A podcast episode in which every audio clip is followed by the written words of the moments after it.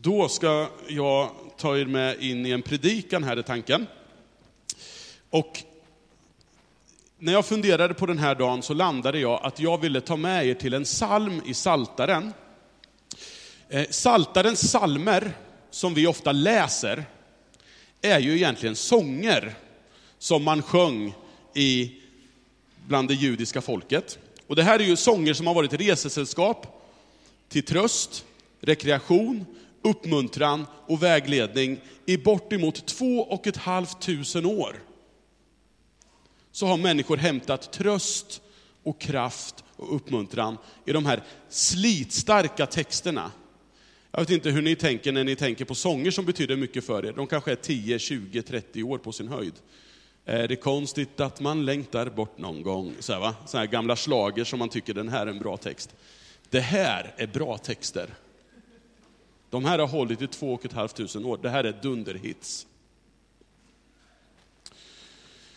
En central och återkommande bild för att förstå det kristna livet, det är vägen.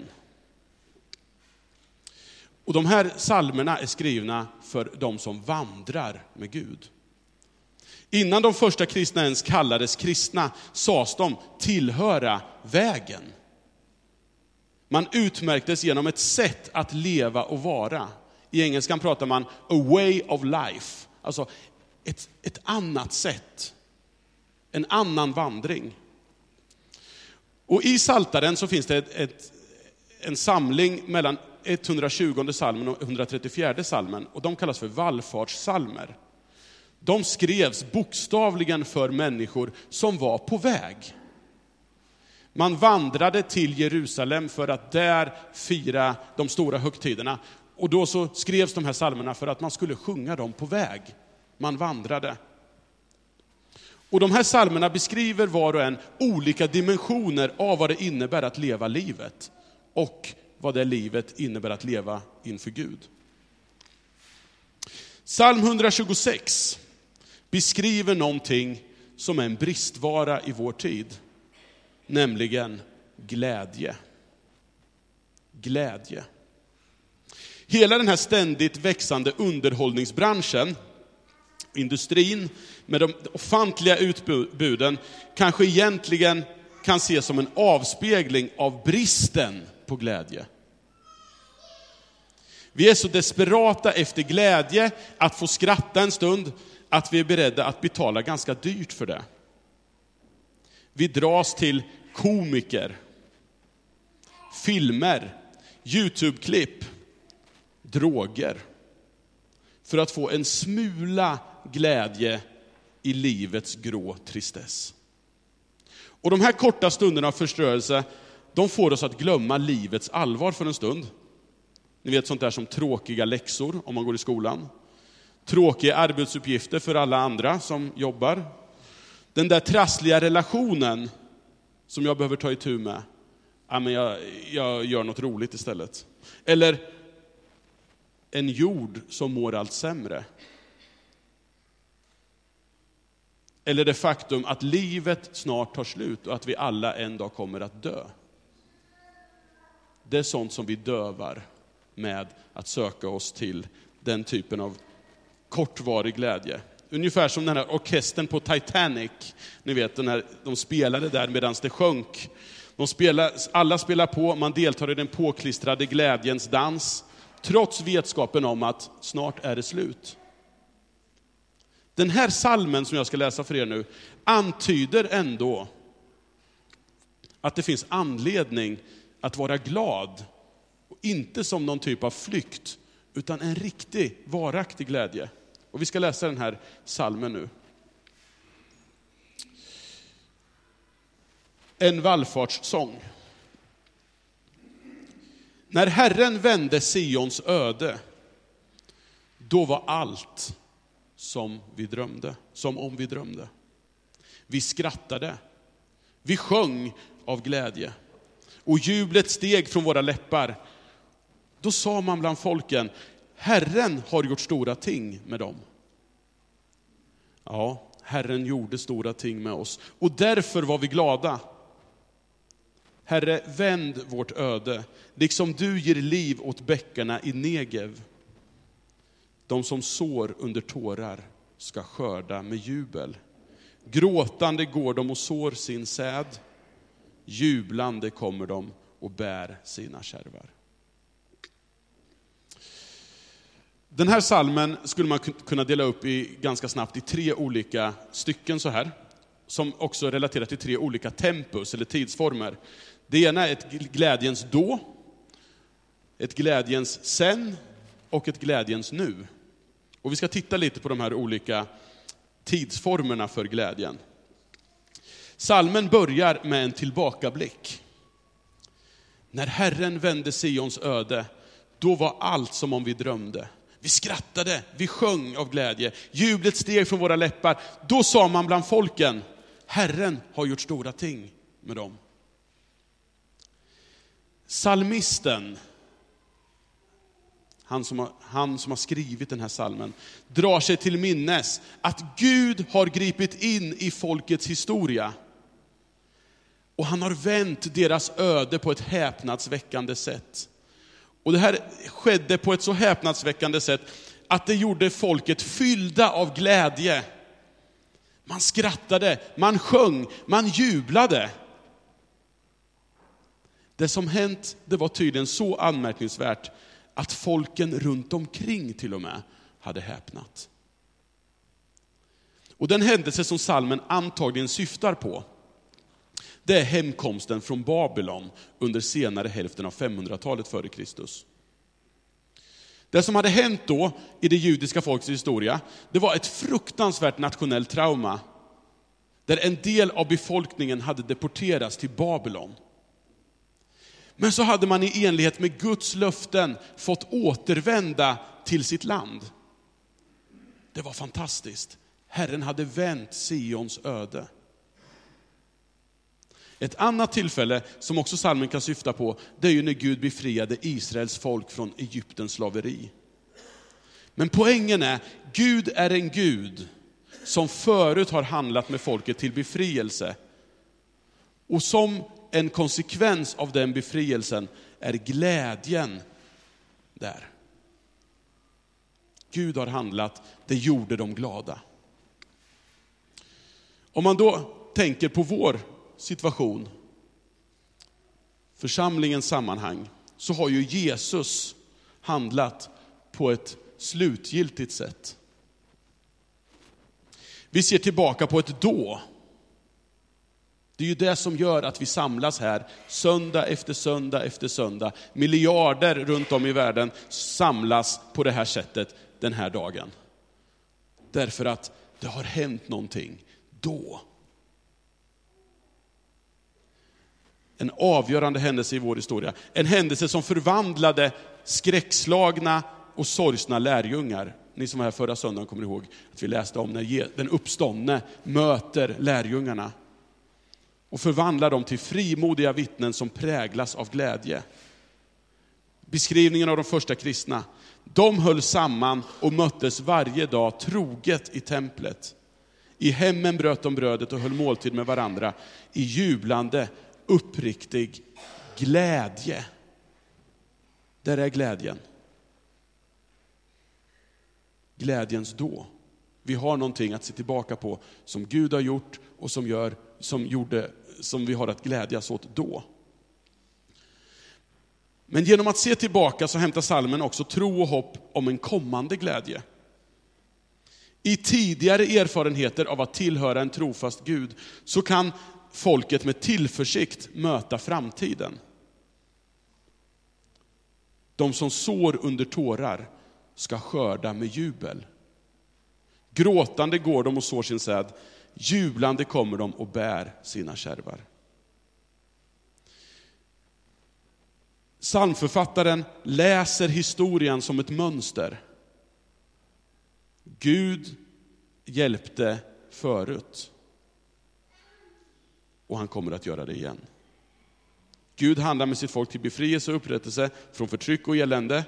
Och då hämtar man också visshet om att det kommer att hända igen. Förtryckare och elände har alltid varit av temporär natur när salmisten ser tillbaka på historien. De byter av varandra, men Gud, han har varit densamma i alla sekel. Genom att se tillbaka på sin historia så kan man se att Egyptens makt har falnat. Assyriens makt har falnat, alltså de här stora väldena som var jobbiga, minst sagt, för Israel. Babyloniens makt har också falnat. Men det här folket, Guds folk i historien, har trots sin litenhet och hjälplöshet bestått. Och det kan ju bara bero på Guds trofasta kärlek som aldrig lämnar dem. Tårar kommer ännu en gång att vändas i jubel. Man ser med tillförsikt på framtiden. Just det faktum att Gud i Jesus har inkarnerat som människa, levt, dött och uppstått, gör att vi vet någonting om framtiden. Ondskans, syndens och dödens makter som vi alla hela tiden har att tampas med här och nu. De makterna har upphävts och har gjorts lika temporära som Egypten och Babylon. Deras inflytande har en gräns eftersom graven var tom då. Jubel, glädje, skratt och dans, det är vår framtid. Det är det vi samlas kring här. När Nya Testamentets författare ser framåt så är det rotat i, och kan bara vara rotat i, att Gud har uppväckt Jesus från de döda. En av de mest frekventa bilderna av framtiden i Nya Testamentet, det är en glädjefest. Inte sällan bröllop. Uppenbarelsebokens vision beskriver en tillvaro av glädje, utan sorg. Se, Guds tält står bland människorna.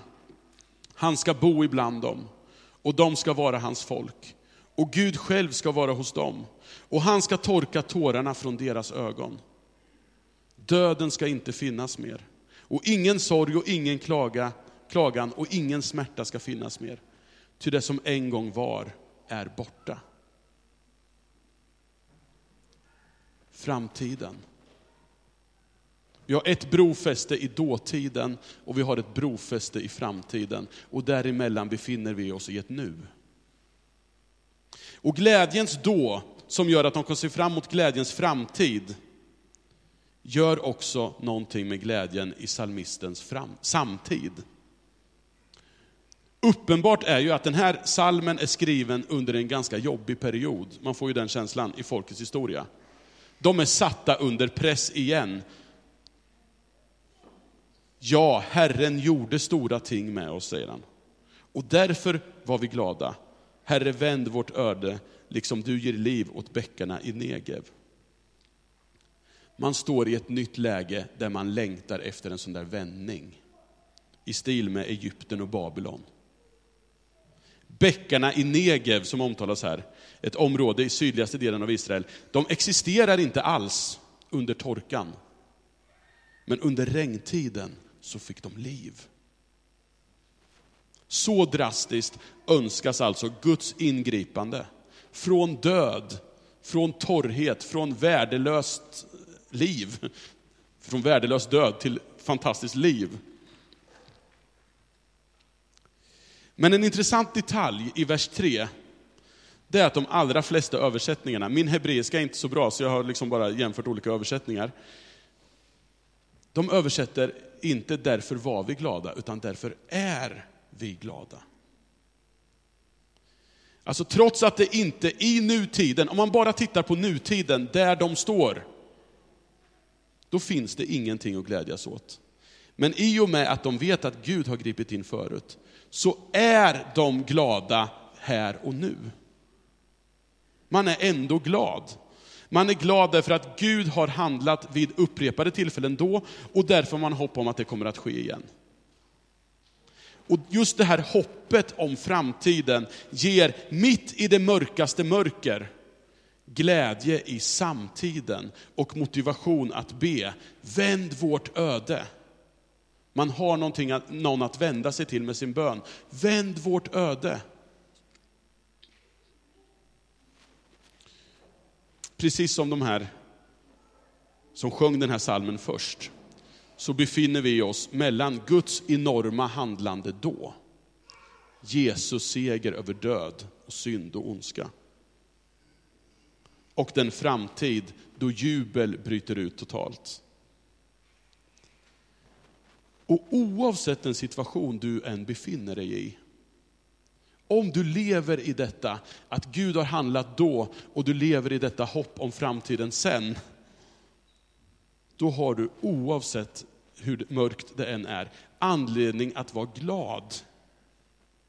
Just för att Gud kommer att handla igen. De kristna är ett folk präglat av glädje, bör vara i alla fall. Glädjen är en konsekvens, det är inte något flåshurtigt, frampiskat Colgate-glädje som vi liksom kallas till. Glädjen är en konsekvens. I Galaterbrevet beskrivs glädje som en frukt av Andens verk i oss. Och samtidigt som det är en konsekvens så skriver Paulus ett brev till församlingen i Filippi med uppmaningen, gläd er alltid i Herren. Än en gång vill jag säga, gläd er. Filipperbrevet i Nya Testamentet kallas i sin helhet för glädjens brev, där ordet glädje i olika former används väldigt frekvent. Det vi ska veta är att Paulus han sitter i fängelse när han skriver Filipperbrevet. Och han riskerar dödsstraff. Hur kan han uttrycka sig på det här sättet? Jo, därför att det finns en djupare glädje som slår igenom mitt i det mörkaste mörker och lyfter honom. Nämligen det som man kallar för glädjen i Herren. Tio år tidigare, innan Paulus skriver det här brevet, så sitter han just i Filippi tillsammans med Silas i ett fängelse. Och det, det, kan man läsa om i Apostlagärningarnas 16 kapitel och det är en ganska intressant berättelse där de sitter där och är ganska svårt torterade och så börjar de sjunga glädjesånger när de sitter fängslade. Och det, det händer en grej som gör att de blir fria där, det blir en eh, intressant berättelse. Men Paulus glädje består i att, att, i att han oavsett omständigheter av fångenskap, slaveri, smärta och sjukdom, ändå är fri i Herren. Eller i Kristus, som är ett av hans favorituttryck. Buren av hoppet så vet han att omständigheterna är provisoriska och inte kommer att få sista ordet i hans liv. Därför finns det också skäl att be och faktiskt tro att Gud är närvarande och hör i livets alla omständigheter. Den där glädjen som Paulus personifierar är ju också våran glädje här och nu. Vi lever i och ser en tillvaro och en hel värld där så mycket inte är som vi tycker att det borde vara. Och kanske har vi, och kanske lever i, det här med att så förbön under tårar. Vi våndas, vi lider, vi bävar och vi oroas. Lockelsen att fly in i passiviserande förströelse kan vara stor. Men någonting får oss ändå att faktiskt böja våra knän, knäppa våra händer, sluta våra ögon, eller hur du än gör när du ber. Därför att vi tror att det finns hopp. Det finns någon vi kan vända oss till. Vi har sett att Gud har handlat förut. Vi lever i tron att Gud kommer att handla. Och därför har vi hopp om att Gud också vill svara på våra böner tids nog. Glädjen i Herren gör nämligen, gör nämligen att vi inte behöver fly bort från verkligheten för att uppleva glädje. Istället består då glädjen i att konstruktivt, genom bön, genom handling, ta oss an verkligheten som den är och delta i arbetet med Guds upprättande av den här skapelsen. Det finns en djupare glädje, glädjen i Herren, som håller och bär genom allt. Till skillnad från den glädje som vi ständigt söker i vår kultur, som kan vara så oerhört flyktig till sin natur.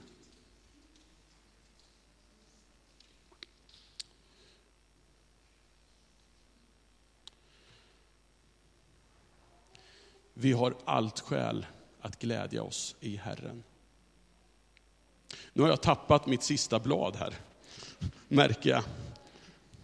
Det var ju spännande. Nej, jag har det här. Jag har det här. Där var det. Tappa konceptet kallas det. Alltså, det var just bara det sista här. I Herren så behöver vi inte blunda för hur verkligheten ser ut. Vi behöver inte fly in i en underhållning som likt drogen får oss att glömma livets allvar. För den glädjen som Gud ger oss har inte sin rot i vår egen förmåga att påklistrat hålla mig på gott humör. Utan i att Gud är god och han har inte lämnat oss i sticket. Glädjen kan få utgöra en ständigt närvarande botten och motivation för ett engagemang i världen och tjänande i samhället. Allt för att vi tror på en Gud som har agerat och genom sitt agerande då format vår framtid. Och vi befinner oss på den här bron mellan då och sen. Och därför, eftersom vi vet vart vi är på väg, så har vi allt skäl att glädjas i Herren. Det finns nämligen hopp för vår värld. Det finns hopp för vår värld. Gläd er alltid i Herren. Än en gång vill jag säga, gläd er. Vi ber. Tack Gud för att du är en Gud som ger skäl att vara glad åt. Tack för att du är en god Gud som har förbarmat dig över vår värld. Tack för att du har blivit människa. Du vet vad det innebär att vara människa. Du har själv varit som en av oss. Och du har dött och du har uppstått för den här världens skull. Tack för att vi får leva i tron på det. Och jag ber om att den glädjen skulle få bli vår helt och fullt. Glädjen över att få tillhöra dig, glädjen över att kunna ha någon att vända oss till när livet kan vara mörkt och hopplöst. Tack för att du är god ännu en gång. Tack för att du är god och barmhärtig och älskar oss. I Jesu namn. Amen.